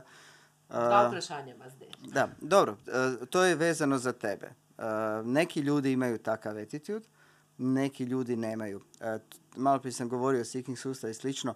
Dakle, u svakoj vrsti, e, krdu, čoporu, dakle, ljudskoj vrsti, postoji uvijek dio populacije koji ima taj stav e, da nema straha, da probija meje, da ide dalje, da istražuje, da sazna, da ono, gdje, gdje ima izvor. Pa će neki otići i da bi krdo došlo za njima. Ti koji idu dalje, šire, koji, nemaju, koji imaju manje straha, koji se mogu izaći iz zone komfora i riskirati život, u stvari su manji dio populacije, oni u, dru- u svijetu, u prirodi, u principu češće pogibaju, ali omogućavaju da se stado, krdo, društvo e, razvija, širi, jer u stvari pomiču granice. Ali većina krda stada društva ovoga nastoji e, čuvati genom i neće se tako obhoditi i, i oni će se bojati. I prirodno je da se boje, jer ako se boje, onda su negdje, ostaju na sigurnom, ne riskiraju i vrsta preživljava, jer oni se ču- čuvaju genom. A ovi koji riskiraju, oni imaju hrabrost, drugi osjećaju poštovanje, divljenje prema njima, ali da, kad pogledaš u prirodi, oni će otići dalje i možda će ih lav pojesti i neće Da, da. nikad naći izvor, i, ali neki će naći i spasit će cijelo krdo. Tako da i ljudska vrsta se tu dijeli, ima nas koji zelo smo... zanimiv, zelo zanimiv način razlage imaš, ti moram povedati. Zelo, meni osebno zelo, zelo, zelo lep način. In, in kako, kako tole. kako se pletu stvari. A to je, to je, kaže, cijela naša, uh, naš koncept rada u, u integralnoj tjelesnoj psihoterapiji, odnosno u IPD centru, mi smo IPD Centar International, međunarodna organizacija, onda imamo škola je jedna od djelatnosti, druga djelatnost je edukacija stručnim timovima, timova u ustanovama koje rade sa djecom i adolescentima, onda radimo edukaciju psihologa, uh, socijalnih radnika, pedagoga i slično. Onda imamo program roditeljstvo koji, s kojim smo krenuli i Kaj osobni razvoj. U Ljubljani sad evo kreće nova generacija, svake jeseni, ali cijelu godinu stvari je upis, jer nama se obično ljudi već kroz e, ljeto i proljeće upišu za sljedeće u jesen kada kreće nova školska godina. A već smo, evo rekao sam, šest godina u Ljubljani, imamo svoj prostor u Ljubljani, svoj centar, već generacije su pa izašle. imate prav svoj prostor? Kje je to? Da, u Kolarjevoj, Kolarjeva. da. No, v glavnem, najprej je rar, to, kar sem jaz hodila, ker si zdaj misliš... Kaj je rar? Dajte meni zdaj povedati. Zdaj, zdaj pa meni, gremo pa zdaj na to. Zdaj pa ti meni povej, kaj delaš. Kaj je rar? Kaj delate vse? Rar, ja. Da, rekao se, IPD Center International je, IPD International je krovni, jer mi radimo u više država i u stvari sad imamo i online programe već godinama u stvari koji su naši polaznici su iz cijelog svijeta. Za sad smo u našim jezicima, uskoro ćemo i na engleski preći i ljudi ako su online, onda- dolaze ipak ovdje negdje za sad u Zagreb, sutra će vjerojatno biti i u Ljubljani, na onaj dio koji je uživo. Ali svi ostali, pogotovo koji u Sloveniji, oni dolaze uživo. Imamo polaznike iz cijele Slovenije, ali u Ljubljani je centar. I sad prvi program je taj, kako zovemo RAR ili rani razvoj, utjecaj na život, da ga sad ne prevodim na slovenski, mislim da se razumije. I o, s njim sedam radionica, kroz dva mjeseca prođemo puno predavanja i puno i tih sedam radionica. I tu se onda ljudi mogu opredijeliti da li je to za njih, a i također i mi možemo sagledati da li je ovaj program za ljude, jer mi, o- o- dakle sljedeći program je osobni razvoj koji je četverogodišnji i onda e, taj program ima svoj intenzitet. I kao i u teretani, e, imaš tegove od, ne znam, od 5 kila pa na više. I sad ako neko ima kapacitet dignuti samo jednu, dvije kile, nije ta teretana za njega. Tako i mi u stvari nastojimo procijeniti ko, kakvi su sistemi kod ljudi, ne kakvi su ljudi, kakvi su im sistemi i da li je ovaj program primjeren za njih. I onda nekad kažemo ljudima nije za tebe, bez obzira što neki žele upisati, a neki tek kad vide o čemu se radi, o, e sad baš želim upisati i onda kreću sa osobnim razvojem kao Jel, program. mo- jel možemo mi zvati ministarstva za školstvo da čuje kako se to radi? Dobro, dobro. Školstvo ima svoje probleme, imali smo tu Ne, a to je, taj pristup mi je, to je lepo.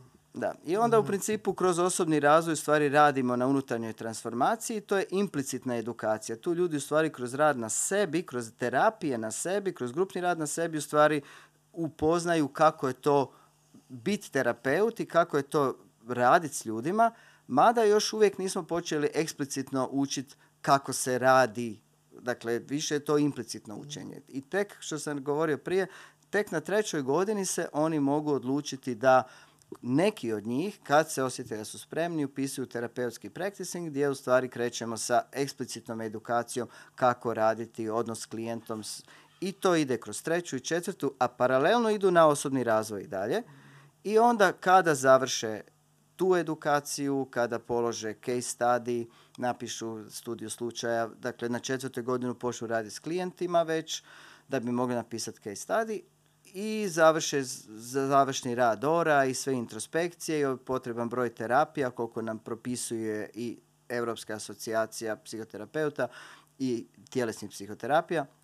Dakle, postoje propisi za svaku školu jednaki i onda može upisati petu godinu, odnosno TT, kako zovemo napredni terapeutski trening, petu i šestu godinu, kada u stvari kreće najintenzivnija edukacija. Tad već radiš, sad, sad si već poluterapeut pod supervizijom, ali možeš već raditi sa klijentima pod supervizijom, stjecati iskustvo i tu te onda škola prati sa intenzivnom edukacijom i onda za šest godina završiš program, ovisno koliko skupiš ostali sati supervizije, rada s klijentima i svega i onda se dobiva e, diploma psihoterapeuta integralne tjelesne psihoterapije.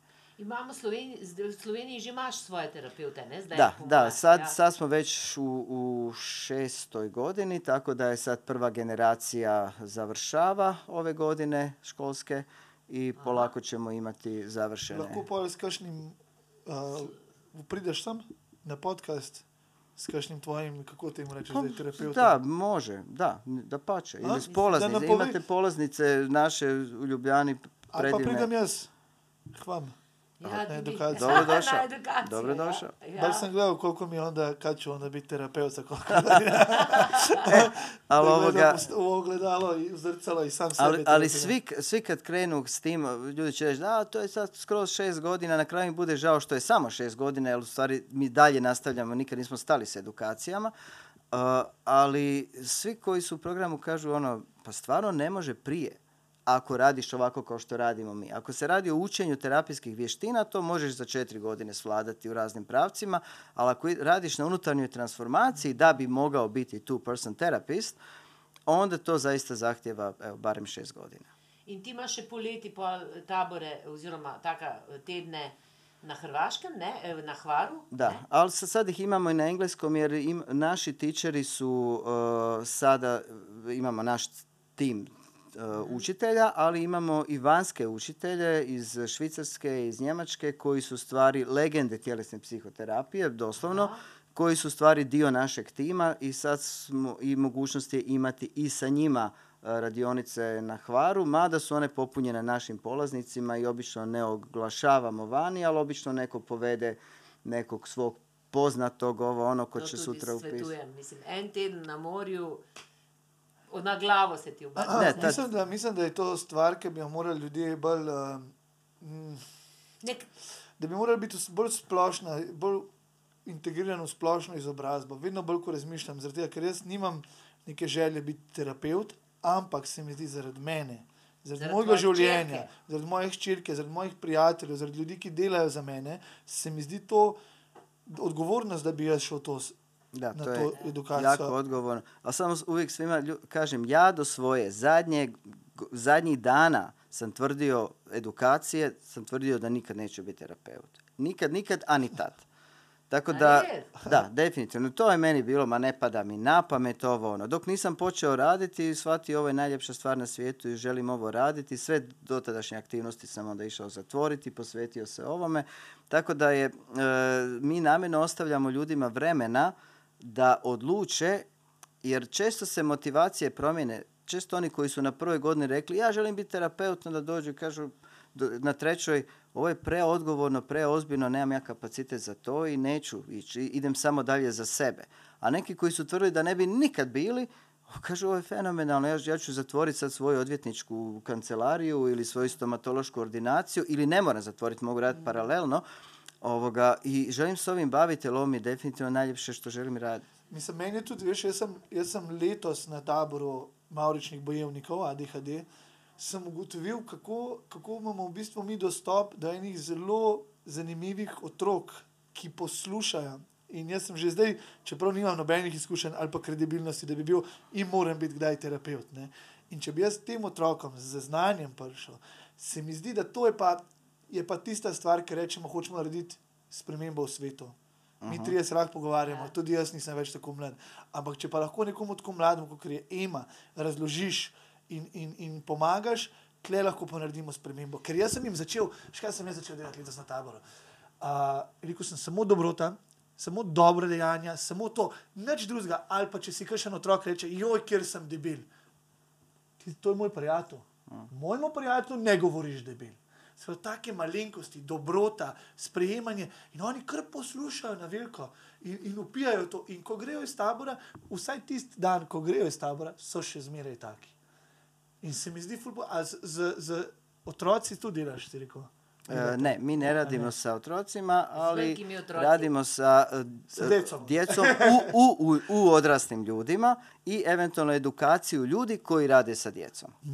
No, in pa če smo zdaj že pri tem, ne, mi dva, ti si meni pred enim tednom rekel, da, da se mi odpoveduješ, da nisem tvoja mama Ne, naprej. jaz sem odrezal popkovino med nama. Jaz pač ja, jaz sem rekel, mami, nisi več. Ne, zaradi tega, ker si mi pač tokrat zlomila srce v lifeu, tako kot smo se zdaj tudi pogovarjali. Veš, tokrat sem jaz rabo tebe ne besedo, uh, sej bo v redu, ampak ne, rada te imam takšnega, kakršen si. In jaz sem to iskal. Veš, iz te moje jeze, jaz sem iskal to, kako naj to nekomu povem, kaj sploh je to. In pač nihče Ampak ni. jaz sem tebi to rekla, pa Mama. ti nis- nisi slišal. Ja. Ok, da. Glej. Dakle, ulazimo u klasičnu problematiku. Ne, Ne, gremo- sam gremo jaz to sam, ja, ok, analizirat, ok, no. ok, ok, no dej, no dej, pa pa analizirajte, prosim. Ne, ne- nećemo analizirati, ali da malo ovoga sagledamo. Ovo je klasična tema, dakle ovo što, o čemu vi sada, što ste sad uprizorili, je uobičajeno. Dakle, imamo roditelja koji je siguran da je poslao jednu poruku i da je to govorio i imamo dijete, bez obzira da li su mu dvije ili pe- 70 g- godina, uh, to dijete se osjeća da to nije bilo tako i njegov doživljaj je drugačiji.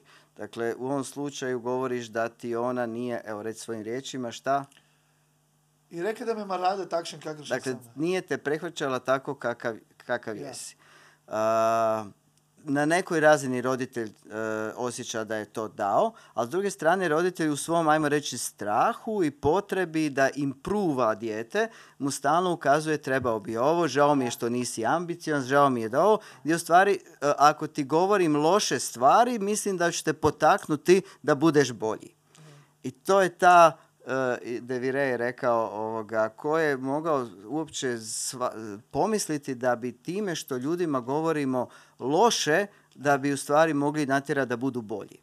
A ta- to mi radimo stalno. Stalno. Cijeli naš sistem pravosuđa, kažnjavanja i sve skupa hoće natjerati ljude da budu bolji zato što ćemo te kazniti pa ćeš ti onda postati bolji. I to, to ne radi. Dakle, a pustimo... Ja ću samo uskočiti, jer ja, ko majka, to se sećam osjećaja, e, kad, su, kad je društvo od mene htelo da ja tebe kaznim ili da ti kažem to nije u redu, to nije u redu, jer inače sam ja imala, znaš, i oca i društvo koje mi je reklo, pa ti nisi dobra majka, ti njega samo hvali, mislim ti njega Ajde dobro, podržavaš. a ajde ne- dobro mama, mi smo bili sa jedne strane umjetnici, a sa druge strane bijeni ko psi. Jesmo ikad pričali o tome kako sam bio bijen sa, sa pasom, sa šakom, ne sa otvorenom, nego sa šakom bijen, a? Kako mi otac polomio zube i stvari. Hm? Kako mi krv tekla i meni i bratu starijem. Jesmo pričali kad o tome? Nismo. Eto. I, na to je, I to je bilo i šta god, i šta god bilo u životu, ja kad je došao moment da se osjećam da imam podršku od ikog u svetu, nisam jednom u životu to osjećao, a tražio sam. I tražio sam riječima i tražio sam kako sam se ponašao, jer sad ako gledam ja, ako, gleda- ako bi ja gledao svoje dete da radi što sam ja radio kad sam bio tineđer, ja bi znao nešto nije u redu. Nije, ne, a znao bi nešto nije u redu u njemu, ne nego sa njim. Ok. Jer to što ti, pri... ajde, ja sad neću, onda ću još, da ti kažem kako sam ja sa čerkom. Mislim da si puno rekao. Re- Da. Dovoljno da, da si se izrazio. Znam da ima još puno toga što bih htio. Ali, e, Zvezdana, kako je tebi to čuti?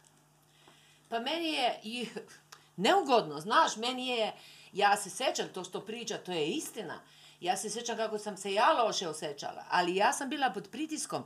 Ja sam ga štitila u sebi, u svom srcu, ja sam, mi smo i u tome pričali, ja nisam nikad dajala podršku e, te, toj agresiji, ali nisam se usudila a, otvoreno ići u to. Ok. I sećam se kako sam e, kako su mi uvijek meni pričali, pa ti si umjetnica, ti uopšte ne, odgađaš, e, ne, ne vzgajaš u redu. Na ne- slovenščinu. ja ne vzgajaš u redu, ne, postav, ne znaš postavljati meja. Jaz v svojem življenju nisem znala postavljati meja. Ne?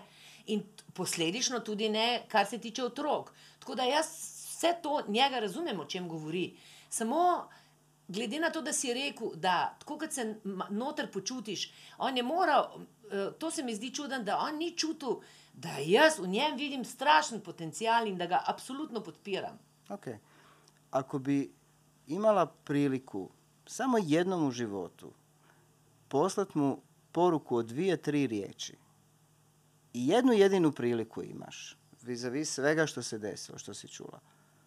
Što bi bila tvoja poruka? Daj si vremena. Samo dvije, tri riječi koje bi bile koncentrat onoga što duboko u sebi osjećaš zbog tog što je bilo tako kao što je bilo. Šta bi mu rekla? Bez puno objašnjavanja, bez puno šta, šta osjećaš sebi, što bi mu rekla svom sinu?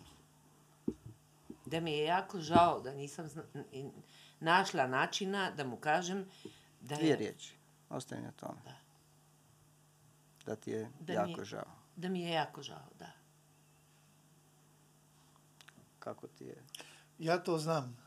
Kako ti je osjetiti? Kako ti je čuti? Kako ti je, možeš li, možeš li primiti to? Možeš li čuti? Ne znam da mogu primiti posle, sve, posle sve, svega toga što smo prešli, posle, posle iskreno isto posljednjih par iskustva koje sam imao. Ok, ali ako bi sad i tebi postavio frame, da imaš jedanput sad u priliku Mm. odgovoriti njoj i nikad više u životu se neće Ja, desiti. nisi ti kriva. Da, ne, spravo samo si dozvoli da ovo što si čuo od negdje da možda ti dopre do tebe, ali vidim da je tu dosta resistance ono. Ako si dozvoliš da čuješ je, da ti je mama rekla da je u stvari duboko jako žao zbog toga. Da nije tada mogla i znala bolje, ali nije bitno opravdavanje, nego samo da je žao zbog toga. Šta osjećaš u sebi? Pa iskreno ništa više. Stvarno nije, da bi, iskreno da kažem, ne, ne osjećam, ako bi to bilo pre nekih par godina, verovatno bi bio vrlo emocionalan. Ok, kakav bi bio sad? Pa mislim, Šta, bi, šta znači ja emocija? volio da zna, da zna da nije ona kriva. Da ja nisam nikad, mislim, jesam kad sam bio mlađi i tražio sam baš te riječi no, dugo, ali sada, sada bi samo volio da ne pričamo o našim životima kao, kao da je bilo sve super i da ne krijemo nekih stvari koje, koje krijemo mnogo. A, se pravi, da ne bi skri, skrivali več teh stvari, da se ne obnašamo, kot da tega ni bilo. Da. Jaz sem star 33 let, to misel. Jaz sem odgovoren, še zmeri to, kar ti praviš, sem te hotel tudi vprašati. To, kar ti praviš, travme iz mladosti in to. Zakaj se pa recimo jaz počutim, da jaz kot odrasel človek sem kar nekako mal odgovoren samemu do sebi, da te stvari mi ne pridejo tako do živoga. Uh -huh. Veš, kaj mislim? Uh -huh. Jaz verjamem v odraslo odgovornost, jaz verjamem, ne glede na to, da so mene moji te, da me je, sem pa kefo, razbal, da jaz tega ne bom naprej delal. Da jaz učim, uh, da se to recimo ne dela. A veš, okay. kaj mislim? U biti, a možeš... Dozvoli Pa samo. zdaj sem to zdaj tako rekel, Ja. ja. da sem bil samo tepen, nisem bil samo tepen. Bilo je pa, ne, plus še nekaj hočem reči. Veliko krat, ko ni bila čista agresija, sem si zaslužil. Ker sem bil majhen fant, ker vem, da mi, vem, da mi velikrat ne bi prišlo do živega, če ne bi me kdaj tako malega psa, moraš daj malo, da mu razbiješ koncentracijo. Ne? Je pa, je, ja, no, prosti. Ok, htio sam samo reći, uh, miksamo dvije dimenzije tebe Ok. i šaltaš se između, samo, samo da ukažem Ja, na to.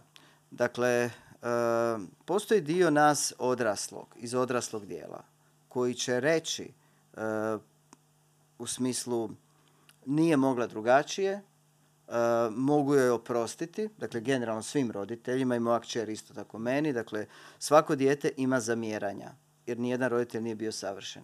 Iz odraslog dijela mi možemo i shvatiti, obrazložiti, argumentirati i oprostiti. Međutim, ono što je ovdje bitno je taj ispod dječji dio u nama, koji u stvari je uvijek živ, dok se ne proradi, dok se ne prođe, u ovom trenutku ne možemo doprijeti do njega jer ga brani tvoj sistem, čuva ga. Dakle, nekad si možda, što kažeš, ranije bi to lakše prodrlo, ali sad tvoj sistem je podigao snažne obrane i sad ne da. Što ne znači da neće za neko vrijeme do- dozvoliti da se desi ono što u tvom sistemu bi ti bilo jako korisno da se desi, jer ovo je nedovršena priča. Onaj bijes o kojem smo govorili ima velike veze s ovim što govorimo. Ali, e, samo da jednu stvar kažem, kad sam sam sa sobom, ja prepoznajem tog de, dečka u sebi. Ja vidim, ja pričam sa njim. Ja sam išao sad na more sam i pričao sam baš sa tim dečkom, jer, ja znam, jer ja kao odrasao čovjek nisam povređen. To je u meni Odlično. ovaj de, dečak. O, I vidi se I da si vidim ga sa velikim terapiji. očima, mali momak i pričam sa njim, ali mislim da smo mi, da je najvažnije da sam ja sa njim u dobrom stanju. Yes. Ja yes. da sam s njim, jer isto kako ti pričaš, ja isto imam čerku. Ja isto njoj kažem riječi Mm. i tako i onda se nekad čudim kako nisi to vidjela. Ali ja, a veš, zato jaz ne morem kar oprostiti vsega, da rečeš, ja nisem mogla. Jaz za svojo hčerko se usedem, razmišljam o svojemu razmišljanju. Jaz sem, veš kaj, dolgo časa recimo, sem se obnašal, kot da imam fanta, hčerko, da imam sina. Da, da. Ker sem to vedno nekako po, po notranju. Da. In ko sem enkrat dojel, ker sem mislil, kot kar šamar dal za neki, kot bi dal sinu tle v zadnji. Pa sem rekel, fuck maj, pa ti nimaš sina, ti imaš hčerko, eno nižno punčko. Od tistega dne naprej, to mislim, vsako nedeljo, ko je pri meni, ima lepo banjo svojo, imava, uh, uh, dajeva si maske, laske, sušim in sem spremenil totalno svoje razmišljanje. Mhm. A veš, kaj mislim? Je, jako bitno. Ne? Jaz bi še to, da še to, to, uh, in z odnosom ne z njo, z mojo hčerko, jaz celim rane mojemu majčku. Mhm. Tako jaz to vidim. Veš, s tabo sem pa zanj rekel, ker je treba prerezati popkovino, pri tebi jaz vedno iščem neko podrško še zmeraj. Pa še zmeraj iščem, a veš, to let sem ti probo nekaj dopovedati, da nek bolan del mene še kar hoče ti nekaj, a veš, dopovedati. Ne? Kot da bi bil zaljubljen v eno žensko, ki veš, da nikoli ne bo nad z njo. Kot sem imel tudi jaz to, ne? Pa probaš povedati, pa probaš pokazati, pa spremenil sem se, pa to v sebi naredil, strgal bi si srce, zato da bi ona dojela, da sem jaz boljši. jaz bi sam, Ampak zdaj sem pač zadnjič rekel, nisi več moja mama. Ne moreš se več obnašati, ker moja mama, ker ni, ker so dala, toliko stvari so dala skozi. Da ne pač moreš biti več moja mat. Mami, lahko si mat, ampak mamica moja pa nisi Se, več. jaz sem tebi Čeprav odgovorila, jaz bom tvoja mama, mislim, kakorkoli že tvoja Ja. mama, jaz sem. Ne? Jaz tudi razumem, tudi ne rabiš mi oprostiti, mislim, jaz ne prosjačim, za, da mi ti meni oprostiš nekaj, ker jaz za nazaj itak ne morem nič spremeniti. In jaz sem lahko zdaj, zdaj uh, približno vem, vidim, da tudi ne spustiš si blizu, ker bistvu te, uh, zdaj, jaz, ker sem bila pri, pri Tomislavu delala in vem, uh, kaj on sprašuje, ker v bistvu ljudje ne razumemo, ko ti vprašaš, kaj ti, uh, kaj ti, ko ti zdaj vprašaš, ti vprašaš samo za občutek, ne? samo za tisto, kar v tistem hipu občutiš, ki nima nobene logike za, za, za vsem tem. Ne? In ja. šele ko to razumeš, da, gre, da ko razumeš ta občutek, pa lahko začneš delati. A je tako? Ne? Da. Dokler pa ti neko logiko zraven, pa ne, nekaj uh, lepiš, pa si še na površini. Ne? Da, druga je Tako. to razina. Ja. A veš, Mislim da, bomo, občutek. mislim, da bomo morali mi še enkrat malo daljši session narediti. Jaz ne? En mislim, prav da moramo- podcast, ne dve, tri šele- ure. Ja, dve, Ja. tri ure narediti, ker uh, ti, mi smo se zdaj, ti si bil res zelo odkrit. In, uh, Jaz ne skrivam več ničesar. Jaz mislim, da moja pot do, do, do mojega salvationa je to, da ne skrivam ničesar in, in, in pokažem moj pravi jaz. In ne zato, da biš, a veš, zdaj bom rekel, da bi se rekel, pizda, šparam vas cel life, stari, cel life vas šparam. Držim to familijo po koncu, ki je bilo najtežje, kdo je stal za to familijo, kdo je naredil vse, kdo se je soočil iz oči v oči z največjim strahom, stari. Jaz sem se mogel soočiti z mojim očetom, ki sem bil star 8 let, pa 12 let, pa 14, pa 17, pa ko sem rekel, da se ne bom nikoli več, še pa 24 enkrat, zaradi tega, kar je njej delo in moji familiji. In jaz sem celo življenje to držal sebi. Zakaj? Ker če jaz to povem na glas, pa to ni nič vreden. Pa sem jaz umke govoril, ja, to sem delal, vi mi pa date nič nazaj. Ne, jaz sem to delal in samo hočem, da se to ve in da se ne obnašate z mano, kot z enim uh, odpadnikom, pa, pa nekom, ki ni, ni, ni sposoben ničesar, ali pa bogi, ali pa vsega kriv, ali pa uh, žrtveno, žrtev sem bil, jaz sem imel velik problem z žrtvijo. Ne? Še zdaj, ko se najdem, da sem v žrtvi, me kar trga začne. Ne?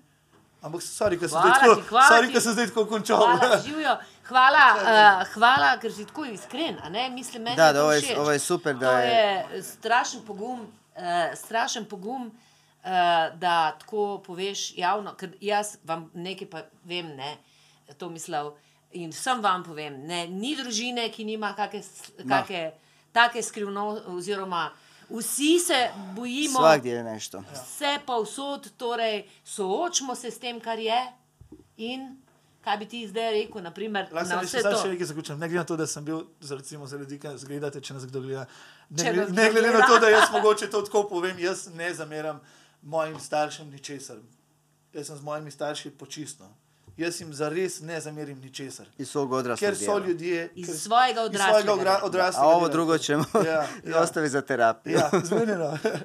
Ja bih samo htio, Zvezdana, tebi čestitati, nekako i zahvaliti. U, u- ime možda ljudi koji su te opet imali priliku, svaka ti čast što dijeliš sa sobom svoje emocije, svoju, ono što nosiš u sebi, jer time u stvari, mislim da puno ljudi dobije jako puno što osjeti, pa nisam samo ja. I Zvezdana je takva, I to je, to je jedna velika tvoja uloga u, u, u društvu. A htio bih i tebi kažem, čestitat kao predstavniku i, i, i sve djece, da kažem, svi smo mi djeca nečija, ovoga, da, da si se usudio i otvorio ovako reći, ali ovo sve što ste uprizorili je jako čest. Puno češća tema, samo naravno da se to svi čuvaju, sve familije to ne govore, to ne ide van, a u stvari ako progovorimo, ako se pokaže da, da je to ljudski, da je to među nama i da je to normalno, mislim, nije normalno u smislu da ne bi trebalo tako biti, ali obzirom koliko je često postalo je normalno, a ajmo vidjeti, to je bila neka naša misija kao i škole, centra i sve to što radimo i tvoja terapeutkinja i svi terapeuti što rade, ajmo učiniti što više u društvu, da jednostavno svijet bude bolji, da ovoga ima manje, da se neke rane zacijeljuju i da u stvari imamo puno terapeuta koji u tome procesu mogu pomoći, jer ipak nam tu treba nekako živa osoba i neka ta znanja, da, evo, da nam bude lakše i ljepše. To je tudi moje sporočilo za konec. Hvala ti. To mislim, mi bomo še naredili eh, nadaljevanje, ker mislim, da bi bilo Jaz fino, bi se da. ti tudi zahvalil, no? da si Eh. prišel. Zelo eh, všeč mi je, eh, ko spoznam nekoga, ki je, jaz temu rečem, od, od, iste, od istega drevesa list. da. Uh, zato, ker imaš tak lep način pogovora in, in razmišljanja, in vidi se ti, da si fokusiran uh, in zbran, in bi zelo rad s tabo se še kdaj tudi usedel. in Bom, zagotovo se bom pozanimal tudi za, za, za kako temu rečete, šola. Ja. In naj vas ne bo sram, sram je tisti, Ja. ki, je, ki je v bistvu tudi uh, v, bistvu v tem bazenu srama, se vsi vrtimo, nihče ni popoln in Mama, vse se ne- da Mama, spremeniti. ti ne znaš zaključiti, ti ne znaš niti začeti, niti zaključiti. Mi smo na RTV opisu. V glavnem, vse, vse, vse podatke o Tomislavu, o njegovi šoli, o njegovih delavnicah boste imeli uh, v opisu dol, seveda pa povabite še koga, da nas pofolova. Mi z mami se bo še veliko kregala, tako da lahko tudi kakšnim novinarjem pošljete kakšen izsek, da bomo bolj slavni. Pa še enkrat hvala tudi Jaketa za vse. No? In Tomislavu. Ne kličemo, čau! Ajde, čau. Pozdrav. čau.